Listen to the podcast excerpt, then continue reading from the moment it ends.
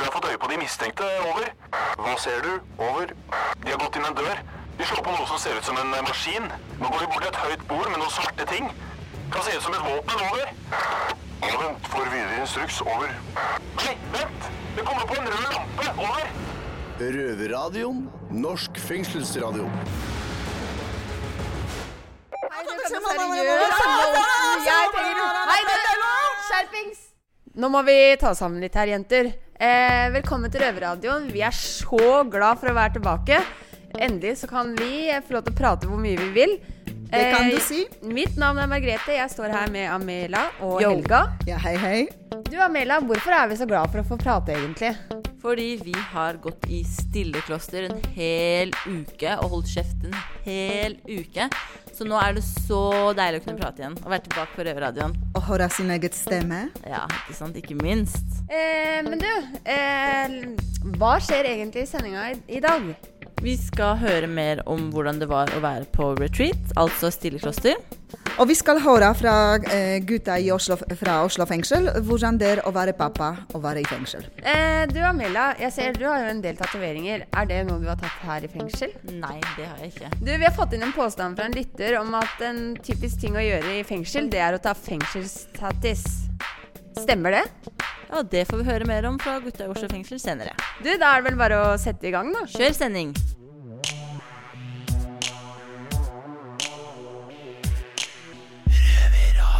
Du hører på Røverradioen fra Indre Østfold fengsel. Jeg har med meg Geir i dag. God dag, god dag. Eh, Geir, eh, kan ikke du starte med å fortelle meg litt? Du har jo sona nå i ni år. Eh, hvordan har dette vært? Det har vært langt. altså, ja, ni år, det begynner å Det begynner å bli en stund. Det har jeg en forståelse for. Det er jo nesten en tredjedel av livet ditt. Det stemmer. Jeg er eh, 31 nå. Altså, jeg blei eh, satt inn Jeg hadde akkurat fylt, eh, fylt 23. Blei satt inn i Oslo fengsel. I påvente av rettssak og alt mulig rart rundt det. Endte jeg opp med en dom på 17 år. Eh, hva gjør det med deg siden du har sittet i ni år, da? Nei, egentlig ikke. Altså, For meg så føles det som tiden har eh, gått veldig fort. Men det er fordi at vi har ikke noe Altså, Når man sitter inne veldig lenge, så har man på en måte ikke noe events å, å feste minnet til. Så det føles ut som alt går i ett. da.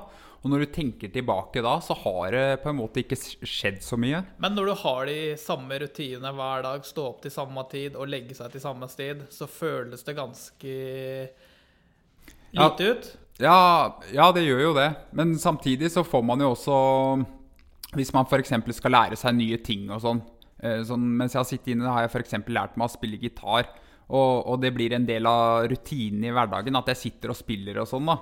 Så hvis man skal sitte inne på en uh, veldig lang dom, så kan det være fint å tilegne seg ny kunnskap. Uh, når var det første gangen du fikk perm? Det var uh, etter seks år. Fortell litt om det. Hvordan var det å gå ut den porten for første gang etter seks lange år? Masse farger. For her inne kan eh, Ja, det er litt bleikt på en måte, da. Så jeg husker det at eh, det var eh, en god del inntrykk da fra farge spesielt som gjorde at jeg ble litt sliten i huet. Sikkert også mye folk og sånn, men men før jeg begynte med permisjoner, så var jeg ute på sosiale fremstillinger, og da var det litt annerledes igjen. For at, eh, da husker jeg at det var eh, Da var det veldig mye farger. Jeg gikk inn på en, eh, gikk inn på en kiosk og kjøpte meg en burgermeny. Og det var som å gå inn på, en, inn på en, et kasino i Las Vegas. Og når jeg skulle kjøpe den burgermenyen, så var jeg litt sånn usikker og sto foran hun i kassa og følte liksom på energien og sånn. Fordi energien i fengsel blir på en måte ganske flat. Uh, og når jeg sto der, så var jeg litt sånn der halvveis nervøs og litt sånn spent og, og sånn. Og så kjøpte jeg meg denne burgermenyen, og så var jeg litt usikker på om, eh, på om jeg kunne ta brusen min og sånn. Så gikk jeg bort til betjenten som var med da. For eh, på sosiale Fremstilling så er det betjente med, så sier jeg er det sånn at jeg bare kan gå og hente den brusen fra kjøleskapet nå, eller? Så sa han ja, da. Så da gikk jeg og henta den. Så, men det var litt sånn, var litt sånn rart. Man vet, eh, når man har sittet inne veldig lenge, så veit man på en måte ikke helt hvordan ting eh, fungerer der ute. Og så vil man jo gjøre ting på riktig måte. Det har jeg en forståelse for. Fordi du var vel ganske redd for at du ikke skulle gjøre noe feil? Kanskje du ble tatt for noe tyveri der. Så hadde ting at han gått litt Ja, ikke sant? Det var jo, det var jo litt, eh, litt det jeg tenkte der, da. Det ville jo vært veldig dumt, på en måte. Det er bra. Men uh, takk for at du delte historien din, Geir. Tusen takk for Eh, og så er det jo flere her i fengselet som har lange dommer, og det er mye de kan lære av en faren soner som deg. Takk skal du ha. Takk skal du ha.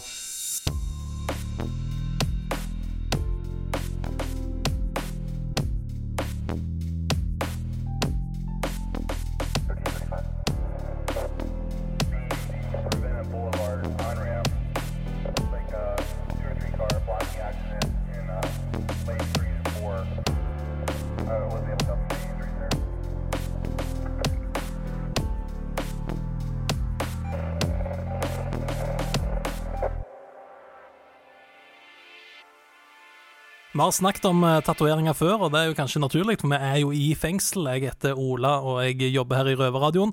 Har med meg eh, Havald Jo. og Tim. Sjo. Sjo, sjo. Du, vi har fått en ny myte på Facebook nå som handler om tatoveringer, og det er jo forskjell på tatoveringer. Nå begynner de å bli så mangfoldige her ute i samfunnet at dere har sikkert mista litt av sjokkeffekten, men det er jo én tatovering som er tøffere enn alle andre. Og det mener iallfall Marius der, som har sendt inn denne myten, og det er ansiktstatoveringer. Og jeg ble veldig glad, for du, Tim, har jo ansiktstatoveringer, og du er helt ny. Stemmer det. Så nå kan vi faktisk snakke om dette. Ansiktstatoveringer. Jeg husker i hvert fall fra jeg var liten, så var det en sånn notorisk fyr i bygda mi som hadde sånn tribal under øya. Sikkert uh, inspirert av Mike Tyson. Jeg var dritredd han. Burde jeg være det? Nei. Nei, men jeg tror ikke det er så smart å ta tatovering i ansiktet hvis du er kriminell, i hvert fall. Nei, det er ikke det. Du blir fort gjenkjent. Ja, det, det skal vi komme litt tilbake til. Men det Marius eh, lurer på, da, eller skriver, at det, det med ansiktstatovering er for farlige folk, liksom. Det er, da, da har du tatt et livsstilvalg. Det er ingen normale folk i hermetegn som Ja, man kan se litt farligere ut enn eh, andre. Ja, ja, er du enig? Lite grann. Hvorfor tror du folk gjør det, Tim? Du har jo en sjøl. Ja, det, grunnen til at jeg tok den, var vel fordi jeg var altfor høy på dop og livet. Eh, altså, det var jo ikke noe smart valg, egentlig. Hva er det du har for noe i ansiktet? Jeg har en hashtag under øyet. Ja, Som du skriver på Facebook og Twitter? Ja, sånn. og fordi jeg røyker hasj. Så jeg prøvde å være litt morsom der. Ja, Ah, det er det det det skal bety? Hashtag. Hasj, ja. Hashtag. ja. For jeg har hørt om den tåra før. Hvis du tar ei tåre under øyet, hva du har gjort da, man sitter i fengsel og, Ja, men det betyr jo at du har drept noen. og du har drept noen. Ja.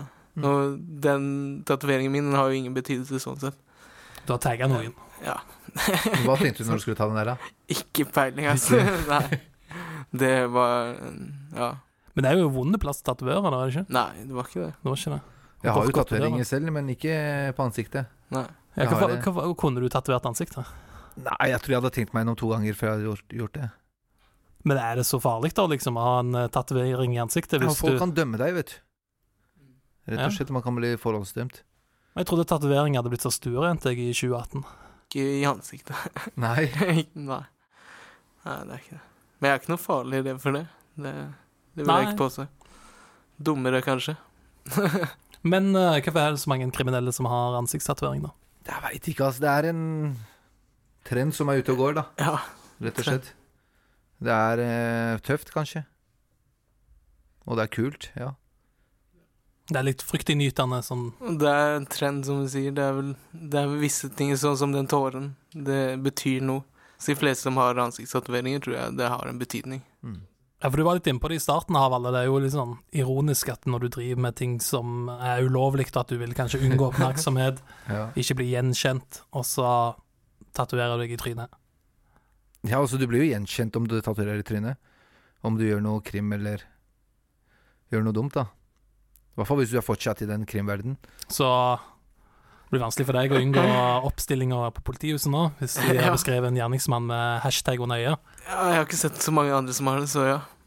det blir litt vanskelig å rømme fra den. Men eh, tror du de prøver å markere det, markere det seg sjøl på noe vis da med å ta den ansiktstatueringen, at det er litt sånn opprør mot eh, samfunnet? Når det å gro hår ikke er godt nok lenger, eller å ta en piercing i nesen? Så vidt. Jeg har jo hatt piercinger i tunga og ansiktet før, og jeg har alltid vært litt sånn mot det vanlige, for å si det sånn. Fuck systemet, liksom. Ja, jeg sparer jo til dreadlocks òg, så Du blir jo sett på, da. ja, ikke sant. Du blir jo lagt merke til. Men du vil være annerledes, er det du sier? Ja, jeg har alltid hatt lyst til å ikke være som alle andre. Det er ingen bedre måte å gjøre det på enn en ansiktstatovering, så jeg tror vi sier til Marius at eh, ja, ansiktstatovering er nok i ganske stor grad forbeholdt de med en eh, litt sånn utagerende livsstil, og kanskje tør å ta Nei, ikke tør det, men ønsker å fremstå som annerledes, og kanskje litt farlig òg. Jeg, tror- jeg tror det sjøl, faktisk. Men hashtaggen er en av de mer uskyldige jeg har sett. da Ja, det er det. Så var det litt morsom dobbeltbetydning og jeg hadde ikke tenkt på den. Men eh, det er jo så bra, da. Du er jo for øvrig rusfri òg, det må vi si. Ja. Så nå må du ha en sånn Jo. aldri framføre, da. Ja, ikke sant? Det er plass til det langs øyenbrynet. Ja, det er det. Aldri. Det er plass til mye. Det er plass til noe mer. Det er Så da blir det hashtag aldri. Da tror jeg vi si til Marius at han har fått svaret sitt eh, om ansiktstatoveringer. Det er en del av de i fengsel og i kriminelle miljø, men uh, kan godt være det er en helt snille nabo også som har det, som bare er veldig glad i tatoveringer. Skal ikke dømme folk, vet du.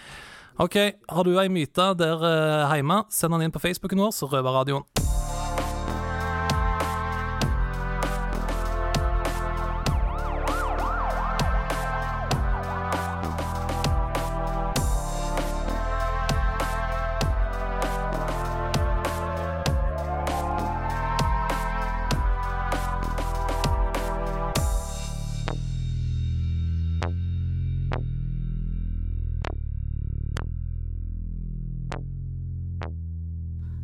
Hadde du klart å være helt stille i en uke uten stimuli, ingen TV, ingen radio, ingen distraksjoner, kun deg og dine tanker? Den siste tiden har de innsatte på Bredtvet testet ut retreat, hvor man nettopp skal være en uke i stillhet for å jobbe med seg selv. Røverradioen. Eh, Jeg tror at du får tid til å tenke de lange tankene. eh, Og så eh, får du en helt unik sjanse til å konsentrere deg om ditt eget liv. Det er ikke så ofte vi kan gjøre det. Um, Og se litt på hvem du er, og uh, hva som har skjedd deg i livet, og kanskje litt på framtida også. Tenke litt uh, seriøst på, på akkurat de store spørsmåla i livet, da. Jeg har vært på Bredtvet kvinnefengsel i ett år nå, og aldri har det vært så stille her. Det er dag to av syv av retreaten, og dama dere hørte i starten, retreatleder Marit Skartveit fra Frelsesarmeen, hjelper nå de innsatte som har meldt seg frivillig til muntlig isolasjon. Noen kaller det et fengsel inni et fengsel. Andre sier det forandrer livet deres. Ja, eh, det er eh, et gammelt, gammelt konsept eh, som har stort sett foregått i klostrene rundt forbi. Man trekker seg tilbake, kutter ut alt sånn overflødig støy og input. Eh, Ingen aviser, ingen eh, radio, ingen eh, mobil, ikke noe TV, ingen eh, sånne ytre forstyrrelser da, for å kunne kikke innover i sitt eget liv og eh, jobbe med egne, sitt eget liv og sine egne spørsmål. Jeg vet ikke om det høres lett eller vanskelig ut. Derfor tok jeg en prat med Miss Guinepeig og Helga før de gikk inn i stillhet for å høre hva deres tanker og forventninger var. Først så kunne jeg ikke fordra det. Jeg hata det. Fordi at jeg følte at det var et press, og det var tvang Mhm. over det. Men så Det tok meg to-tre uker, og så tenkte jeg litt på det, hadde litt i underbevisstheten og sånne ting, hvordan dette egentlig kunne være. Så tenkte jeg vet du hva? Jeg har ikke noe å tape på det. Det beste som kan skje, er at jeg blir bedre kjent med meg sjøl. Mine grenser, mine følelser, mine tanker.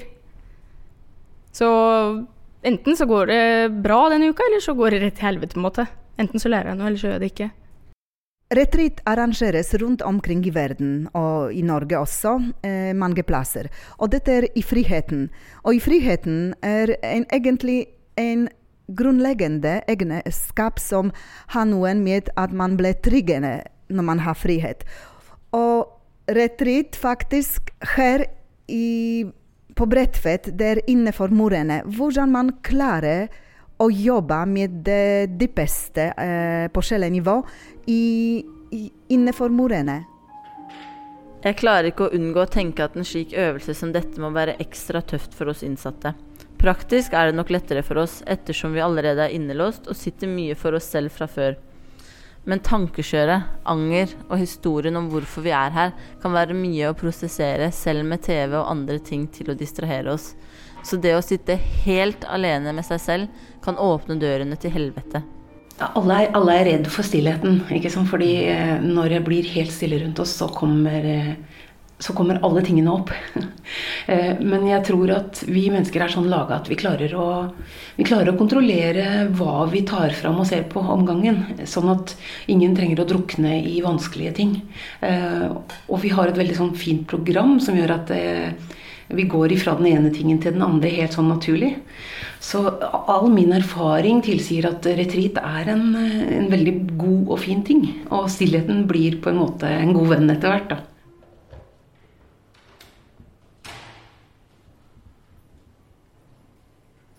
Det er tirsdag, dag to av retreat på Bredtvet. Det er en slags kunstig stillhet. Det er en slags ro som har senket seg over Bredtvet som jeg aldri har opplevd før. Men har det noe effekt? Deltakerne får 30 minutter sammen med presten hver dag, hvor de får prate fritt om det de har tenkt og følt på i stillheten. Jeg fikk prate med Helga for å høre hvordan det har gått så langt. Hallo. Hei. Åh, Godt å se deg. så godt å snakke. Nei. Akkurat nå så tenker jeg at eh, Og da visste jeg at jeg skal kunne snakke fritt. Men jeg tror at retriten hjelper meg til å veie ordene på gullskala på en måte. Hvis jeg visste alt dette før, så ville jeg ikke vært her, f.eks. Det er ingen tvil om tankene og teoriene bak retreaten er bra, men har deltakerne fått noe ut av det? Kom de nærmere Gud? Ble de bedre kjent med seg selv og problemer de selv kanskje ikke visste at de hadde? Det har nå gått noen dager siden stillheten ble brutt på Bredtvet, og Helga og Miss Guinea Pig hadde, naturlig, mye å si. Ja, det var veldig, veldig deilig. Veldig befriende. Jeg fikk ha stearinlys på rommet mitt. Og det var så deilig å bare se flammen bare bevegde seg i den lille vinden som var der. og... Altså, ingen sa noe, men det var liksom sånn der Prøvde å liksom dulte litt borti eller bare vinke og så bare for å få kontakt. Bare 'Jeg vil ha den! Jeg vil ha den osten der! Kan hente ostehøvel også!' Uten å si det. Så nei, det var eh, Det var veldig nært. Jeg knakk jo i luftegården. Og jeg sto og hvinte og hyla i en halvtime. Fordi at det skjedde en reaksjon hos meg som ikke jeg ante noen ting om skulle komme.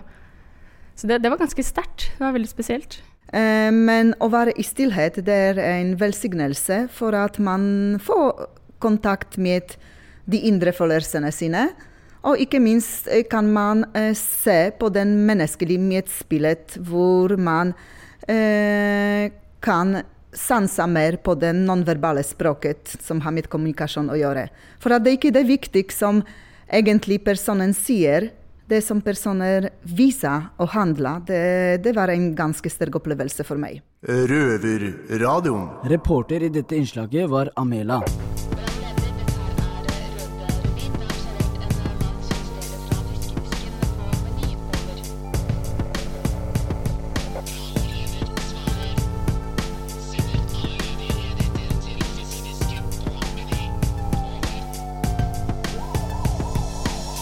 Mitt navn er Haval. Jeg står her med Bobby, som skal fortelle oss om røvertabbe i dag. Yo, yo, yo. Yo, Bobby. Ja, jeg skal fortelle hvordan jeg ble arrestert, da. Ja. For den dommen jeg sitter for nå. Ok. Og det var i Trondheim. Hvor i Trondheim var det her? Steinkjer! Steinkjer, ja. Ja, eller det er jo ikke i Trondheim, men det er litt utafor Trondheim, da. Ok, hva skjedde? Men, eh, jeg ble Eller først så ble jeg arrestert av en politimann, da. Mm. Som mistenkte at jeg holdt på med det kriminelt. Og Ok. Så sa jeg til han at jeg er ikke noen kriminell kar, og kjørte den korta at At du er en snill kar? At jeg er mørk kar, Er det bare derfor du stopper meg, liksom? Du tok det kortet der, du, da? Og så sa han nei, det er, det er eh, mistanker og bla, bla, bla at du selger narkotika. Ok. Og så hadde de ikke noe bevis, da, så han bare slapp meg. Og så to-tre måneder senere så ble jeg arrestert igjen. I- Samme politimann, eller? Samme politimann. I Ja. Steinkjer. og så da Og da kjørte vi taxi. Og han som kjørte taxien, var en bekjent av meg. Okay. Og så ble ve- ve- veien da sperra av politi. Hvor mange var dere i bilen, da? Tre. Tre mann, ja. Og så ble veien sperra av eh, politiet. Hmm. Hele veien liksom foran og bak oss. Ja, hvorfor det? Fordi de skulle arrestere oss. De mente at uh, Ja, at det var noe kriminelt på, ja, på, gang. da. Ja. Ja, Hvor mange politifolk var det som sto der, da? Utafor bilen? Det var uh, en politimann hver dør. Så det var fire dører, og så Mm. var det fire politimann, og så var det flere som uh, sto i veien, da. Men Hva tenkte du med en gang når du så de politifolka? Jeg tenkte at uh, nå er det over, nå ble jeg tatt, så jeg får gjøre det beste jeg kan med det. Ok. Og så hadde jeg stoff i bilen, da. Hva var det du hadde i bilen, da? Jeg hadde en pose med amfetamin. Ok. Og så hadde jeg en sånn vakuumpose, da, eller vakuumpakke. Som det stoffet var pakka i? Ja. Ja. Og det var vanskelig å få det opp, så jeg måtte begynne å brenne vakuumen for å få det opp. Ok. Og så sto de politifolka på døra til taxien og Mm. mente at taxisjåføren skulle åpne døra sånn at de fikk arrestert oss. Ok. Og jeg sa til han eh, taxisjåføren at eh, du må vente til vi er klare før du åpner dørene. og så åpna han døra, da. Ja. Og idet han åpna døra, så åpna han politimannen døra mi, da, for å liksom ta tak i meg. Ok. Og så Idet han åpna døra, da, så bare kasta jeg masse amfetamin på han og Mm. begynte å løpe og helle det ut. Og Så han politimannen ble helt hvit, eller? ja, han ble helt uh, Han stoppa. Han løp ikke etter meg engang fordi han uh, drev og vaska trynet sitt og sånn. Ai, ai, ai. Mm. Hva skjedde så? Ja, jeg løp og løp og løp, men så visste jeg ikke hvor jeg skulle, så jeg bare stoppa til slutt. Ble ikke han politimannen irritert? Jo, han ble det. Ja, Bobby, syns du at du, hadde, du behandla politimannen bra? Nei, jeg syns ikke det. Jeg var litt, eh, jeg var litt grov. Det er vel ikke noe kult å få en uh, pakke, men man ikke veit hva det er, midt i ansiktet? Nei, det er sant. Men uh, jeg måtte gjøre det jeg måtte gjøre, og jeg angrer på det. Takk for at du delte med oss, uh, Bobby.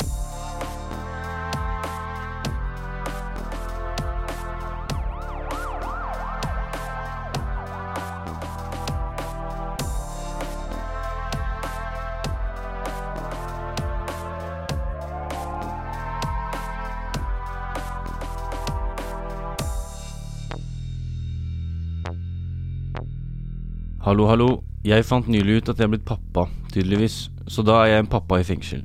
Og da lurer jeg litt på hvordan jeg skal håndtere dette. Jeg heter Preben og står her sammen med Haval og Salman. Jo. God dag, god dag. Haval, du har jo selv tre barn. Ja. Og er pappa i fengsel. Kan ikke du si litt om hvordan det er? Nei, det er jo ganske tøft, da. Mm. Jeg hadde jo nå ikke for lenge siden besøk av barna, og det var jo veldig herlig å se dem igjen, da. Det var veldig god Og de så at, så at de savna de savna meg, de også. Og Ja, det, bare ha det samværet med barna er jo veldig viktig. Men det er veldig trist å se dem gå etterpå, da. Ja, Når det er det. besøket er ferdig, og du skal se barna dine gå ut, ikke sant. Og At ikke du får vært med dem. Salman, hvor mange barn er det du har? Jeg har fem. Fem barn, ja. Hvor gamle er de, da? Hvor gamle de er? Ja. Eldste er tolv, minste er fem. Mm. Nei, jeg hadde også samvær med dem eh, ikke for lenge siden. Men de gjorde vondt når de skulle gå. Mm. Han ene sa at uh, han skulle opp med meg. Han skulle bli her.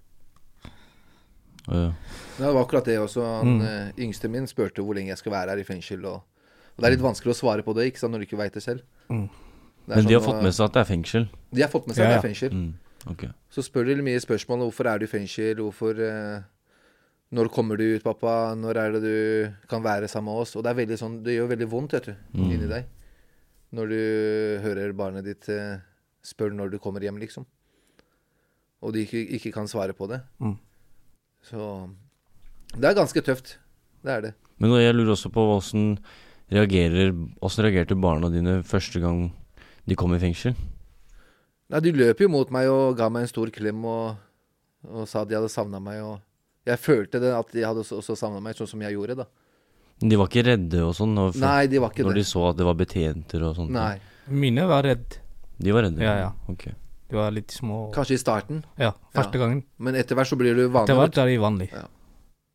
Men spør barna dine også hvor lenge du skal være i fengsel, og Ja. når du kommer hjem, pappa, og sånne Ja, ting. og hva jeg har gjort for å hevne her. Mm. Ja, Det er barn, ubehagelig. De spør Det mye, er veldig ubehagelig. Men De forstår jo mye òg, ikke sant? De gjør det. Mm. Mm. Så må jeg forklare dem at eh, pappa har gjort noe dumt, Også. At jeg kommer ut en dag? dag. jeg kommer ut. For vi skal jo ut der en dag, ikke sant? Vi skal jo skal vi. Det skal vi. samvær med barna. Vi skal jo komme ut i den samfunnet igjen. Ja. Men det er veldig tungt å miste den tiden da, når de vokser opp. Det er det. Ja. For det får du ikke tatt igjen, ikke sant? Nei. Det syns jeg er veldig trist. Syns jeg òg. Hvorfor er du ubehagelig når de spør om hvorfor du er her? Det er litt ubehagelig at uh, ungene dine spør deg, og du veit hva du har gjort for å hevne her. Mm. Ja. Du vil ikke at de skal vite det? Nei. Kjenner dere noe på skyldfølelse overfor barna? Ja. Absolutt. Du går glipp av den beste tida med dem. Mm. Jeg gjør det samme selv, altså. Det, det er veldig viktig tid å, å se dem vokse, liksom. Når de ikke er der i, på flere år, da. Mm. Du ser liksom barna dine vokser, og de har bursdager, og de begynner på skolen. og Sånn som dattera mi begynte jo på første klasse nå. Ja. Og jeg fikk ikke vært der, ikke sant. Og det syns jeg er veldig trist. Ja, hvordan føles det? Nei, Jeg får litt sånn vondt inni meg og litt uh, ja, lei meg, rett og slett. At ikke jeg får vært der uh, når de skal begynne på første skoledag. og Mm. Så tenker jeg OK, men en dag kommer. Jeg kommer til å få samvær med dem en gang til. Absolutt, selvfølgelig. Vi skal alle ut en dag. Mm. Ja, for jeg har selv lyst til å kunne få til et besøk av min sønn. Mm. Han er jo fem år. Jeg har aldri sett han. Men du fant ut nylig nå, eller? Jeg fant ut det i sommer. Mm. Men hvordan føltes det å finne ut etter så lenge? Det er veldig rart. Det Jeg kan ikke akkurat si at jeg savner han eller noen sånne ting, for jeg har jo aldri Du har aldri hatt kontakt med han? Jeg har aldri jeg har bare sett ham på et bilde. Mm. Så jeg har ikke fått oppleve det å møte mitt eget barn. Jeg tror det er da det skjer noe med deg, ikke sant. Det gjør det, vet du. Mm. Det skjer jo noe med deg innvendig òg. Ja, det gjør det. Mm. Ja, mange sier jeg kommer til å hylgrine, f.eks. Når, når jeg møter ham. Ja, du han. kanskje blir litt sånn følsom. Det kan hende. Det kan være. Så jeg er veldig spent på hvordan det kommer til å bli. Men jeg, også, jeg tror jeg trenger litt sånn Hva tror dere jeg burde Jeg har litt sånn For sønnen min har jo, har jo ikke hatt noen far i fem år. I fem år. Og, og så er det en betjent i Oslo som sier at du burde ikke ringe nå. Vent til du har kommet ut. Vent med ditten, vent med datten. Men jeg fikk ikke lov til å se faren min fra jeg var to til 15. Mm. Og da måtte jeg finne han selv. Moren min sa nei, du får ikke lov å møte han. Det var ikke noe bra for meg. Nei. Å måtte finne ut det i sen alder. Hvem faren min var. Han var kriminell, han òg. Jeg mener at du skal ta kontakt med Det vil jeg òg. Med en gang, liksom. ja. Med en gang. Så at du kan begynne å få samvær og Men jeg kan jo begynne nå. Det er jo nå jeg er edru. du må jo stole på deg selv og stole på Ja. dine følelser og hva du tenker, da. Og hva jeg kommer til å gjøre når jeg kommer ut. Ja. Hvis du har lyst til å stille opp for ungen din, så syns jeg du skal ta kontakt med Mm. barnemoren og snakke om med henne. og Prøve å ordne en samvær og prøve å ordne en sånn dialog mellom dere. Men da gjør jeg det. Fordi ja, jeg syns absolutt du skal gjøre det. Det syns jeg òg. Og du har selv opplevd at uh, du kjente ikke faren din Ja. til du var uh, 15 år. Mm. Så du veit hvordan det er. Ja. For man må, man må ta noe valg også når man har barn òg. Mm. Det er noe eh, livsmønster du må kutte, liksom. Ja. Du må jo begynne med noe helt noe annet. Mm. Hvis du er i en gjengmiljø eller i en dårlig kriminelt miljø, da, så er ikke det så bra når du har barn, vet du. Man må komme seg ut av den sirkelen. Ut av den der kriminelle verden. Mm. Greit. Takk for rådet, gutta.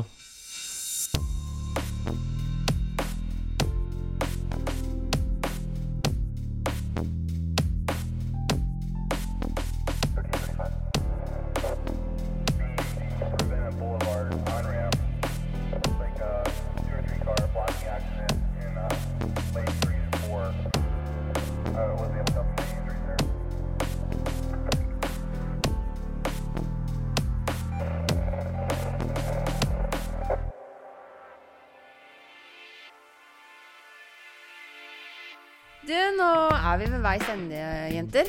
Eh, er det noe spesielt dere har lyst til å kommentere eller la merke til i sendinga i dag? Ja, to ting jeg har lyst til å kommentere. For det første, hvis dere der ute får tilbud om retreat noen gang, ta sjansen. Det er absolutt verdt det. Du trenger å holde kjeften hele uke. Og i tillegg så vil jeg bare nevne det at jeg prøver å starte en ny trend her inne. Istedenfor å ta fengselstatoveringer, så fengselspiercinger. Så du utfordrer lovverket litt, eller? Ja. Hull i øra, hull i nesa. Hvem som vil, kom til meg, ny sjappe. ok. Men du jenter, hva skal dere gjøre når dere kommer opp på cellen deres? da? Nei, jeg skal bruke anledningen til å lage meg litt tunfisksalat, i hvert fall. Og visste dere forresten at det er det som innsatte handler mest når de handler varer? Pluss Risla. Ja, og jeg skal eh, snakke med meg selv, for at der, der, etter retreat så har jeg behov til å snakke høy. Skjønner, skjønner. Ja, nei, da takker vi for oss. Ciao. Ha det på badet. Ha det. Det har vært stille fra over en time. Hva skjer? Over. Det er bare et radioprogram. Det er lettere å høre på dem der. Over. Ja, vet du når det går da? Over. Det er samme tid og samme sted neste uke. Over.